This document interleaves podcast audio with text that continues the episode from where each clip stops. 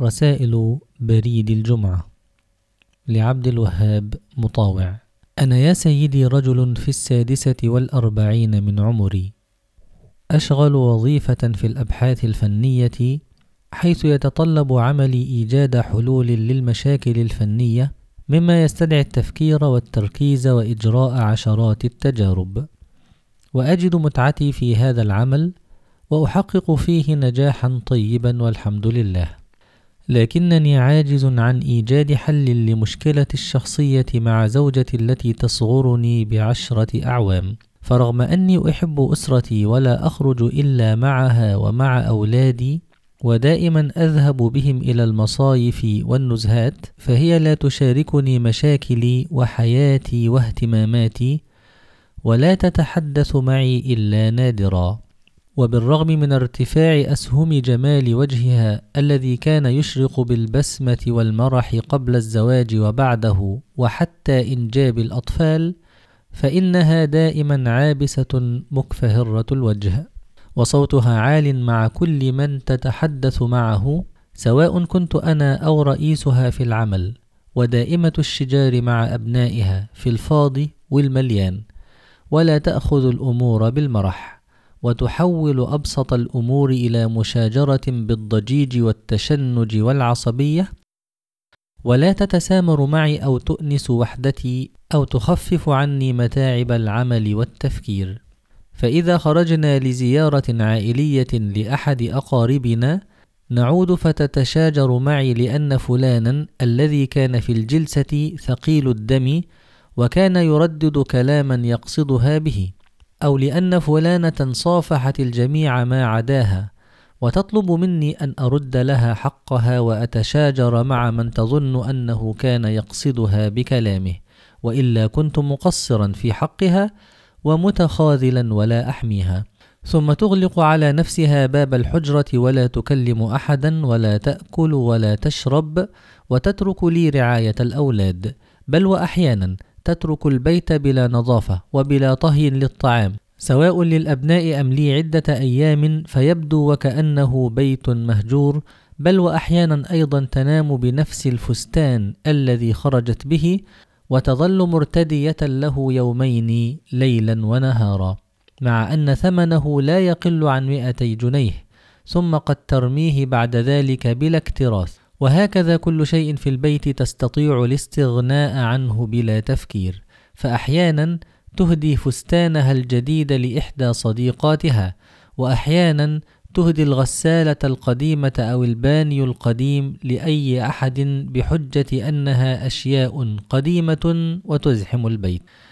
فإذا حصلت على إجازة واصطحبتها مع الأولاد إلى أحد المصايف أملا في أن نقضي بعض الأيام السعيدة أجدها محتملة يوما أو بضعة أيام ثم ترتد إلى النكد والعبوس والصياح الذي يصل إلى التشنج في بعض الأحيان فلا أكمل الإجازة وأعود قبل انتهائها. وكثيرا ما نصحتها وطلبت منها أن تريحني وأن نتفاهم في كل شيء وأوضح لها الخطأ والصواب وكثيرا ما واجهتها أمام أهلها بما تفعل بلا فائدة ولا أجد مفرا سوى تركها على ما هي عليه والصبر عليها لأني لا أريد أن أضحي بمستقبل أولادي. فأصبر لعل الله يهديها أو يحكم بيننا بالحق في الدنيا والآخرة لكني أضيق يا سيدي بما أحتمل في بعض الأحيان. وأجد نفسي بعد انتهاء عملي وبعد عناء يوم طويل غير راغب في العودة للبيت الذي لا أجد فيه راحتي ولا أجد فيه من يستقبلني ويسامرني ويشعرني بأن لي زوجة تشاركني الحياة إذ كثيرا ما تركتني أنام وأنا غاضب عليها وكثيرا ما تركت البيت إلى العمل وأنا غاضب من أفعالها مما عرضني أكثر من مرة لبعض الحوادث بسبب قيادتي للسيارة وأنا مغتم ومهموم ولا أكاد أرى الطريق من سوء أفعالها. فهي دائما نكدية وغير مهتمة بنفسها وغير نظيفة رغم جمالها وغير عابئة بأي شيء فلا حنان ولا مودة ولا مشاركة. وهي إذا أرادت شيئا ولم أنفذه لها تظل ثائرة غاضبة وصوتها عال وإذا فتحت الراديو فالصوت عال وكل اهتمامها مركز في مشاهدة الفيديو. إن جمال زوجتي يا سيدي لم يعد يساوي عندي شيئا ولم أعد أحس به أو أراه لأنه يختفي تحت قبح الطباع ودوام النكد والعبوس. وأرجو ألا تتصور أني مقصر في حقها فالحق أنني مثالي معها ومع الأبناء. وآخذ الأمور بالحزم وأحيانا باللين وفي معظم الأحيان بالصبر. لكن زوجتي لا تشعر بالمسؤولية رغم أنها حاصلة على الماجستير وقد نصحتها مرارا وشكوت لها متاعبي معها. فكان ردها علي هو أن أتزوج لكي أرى الفارق بينها وبين غيرها لأنها ولا تعجب تعتبر نفسها مثالية. مع أني لست أول من يحكم عليها بغير ذلك وليس لها صديقات سوى اثنتين فقط وقد بدأ تركيزي في عملي يتأثر بما أعانيه من هموم هذه الزوجة بماذا تنصحني أن أفعل معها؟ هل أسرحها بإحسان؟ إنني أخشى أن أفعل ليس حبا فيها وإنما حرصا على أولادي فماذا أفعل؟ رد الكاتب عبد الوهاب مطاوع. ولكاتب هذه الرسالة أقول مأساة بعض الزوجات أنهن يحفرن قبور سعادتهن الزوجية بالتدريج بسلسلة من حفرات النكد الصغيرة التي تبدو تافهة في البداية ثم تنهدم الجدران الهشة بين الحفر الصغيرة ذات يوم فتتحول فجأة إلى هوة سحيقة تفصل بين الزوجين حتى ليتعذر عليهما بعد ذلك الاتصال والاستمرار. ومن هنا تأتي خطورة هذا الرصيد المتزايد من حفر النكد التي تحفرها بعض الزوجات وبعض الأزواج لشركاء الحياة. فالنكد هو أمضى سلاح لقتل الحب والسعادة. وهو الذي دفع كاتبا عظيما كتولستوي إلى أن يتسلل من بيته ذات ليلة شتاء ممطرة وهو في الثامنة والثمانين من عمره ليهيم على وجهه فرارا من زوجته البشعة ولكي يعثر عليه بعد أحد عشر يوما ميتا بالالتهاب الرئوي في محطة مهجورة للسكة الحديد.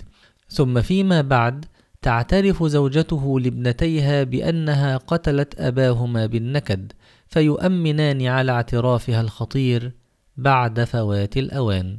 وهو أيضا الذي دفع الفيلسوف الإغريقي لأن ينصح مريده قائلا له تزوج يا ولدي فأنت الفائز في الحالتين فإن كانت زوجتك طيبة عشت سعيدا وإن كانت سيئة تعلمت الحكمة وصرت فيلسوفا. ويبدو أن أقدار بعض الأزواج والزوجات هي أن يتعلموا الحكمة حرصا على مصلحة أبنائهم وعلى حساب سعادتهم وهنائهم معظم سنوات العمر لكن الحرص على سعادة الأبناء ينبغي أن يكون من ناحية أخرى حرصا متبادلا من الطرفين فإذا افتقده طرف ولم يرعى الله فيهم كان حرص الآخر على استمرار الحياة من أجلهم إلى ما لا نهاية تنازلا مستمرا يغريه بالتمادي والاستهتار. لهذا يحتاج الإنسان أحيانا إلى أن يحس بالخطر لكي يدافع عن حياته ومملكته بإعادة النظر في أمره ومراجعة تصرفاته والتقدم من الطرف الآخر خطوات لكي يتواصل اللقاء. ولا تتسع الهوة باستمرار بينهما. وأغلب ظني أن زوجتك في حاجة إلى شيء من هذا الخوف البناء الذي يدفع الإنسان لأن يبادل الآخرين حرصهم عليه بحرصه عليهم. ولو أوتيت زوجتك البصيرة لفهمت مغزى حديثك المرير عن جمالها الذي لم يعد يساوي شيئا عندك ولم تعد تحس به. لأن الجمال فعلا هو جمال الروح والطبع وليس جمال التماثيل الجامدة التي لا روح فيها ولا إيناس. ولأن المرأة الجميلة تفقد جمالها في اللحظة التي يعلو فيها صوتها بالشجار والتشنج والإيلام. ولا تشك أنك كنت تحبها حبا كبيرا ما زالت بعض بقاياه مستقرة في قلبك.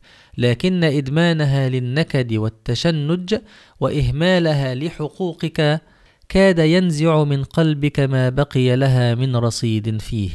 لأن النكد هو فعلا قاتل الحب والسعادة وليس شيء آخر. فأنذرها يا صديقي بأنك لن تستطيع أن تحتمل الحياة معها على هذا النحو إلى ما لا نهاية. وقاوم ضعفك تجاهها واهجرها بغير أن تغادر البيت ثم دعها لنفسها لفترة تعيد التفكير في الأمر لعلها تفيق وتتذكر واجباتها تجاه أبنائها وتجاهك وتجاه ربها. فإن استمرت في غيها ولم تشأ أنت غير ملوم وتقديرا لمصلحة أبنائك أن تفصل ما بينك وبينها فواصل الصبر والاحتمال من أجلهم لعلهم يعرفون لك ذلك ذات يوم وفز في هذه الحالة بالجائزة الثانية من جائزتي الزواج وتعلم الحكمة على حساب راحة القلب والأمر لله.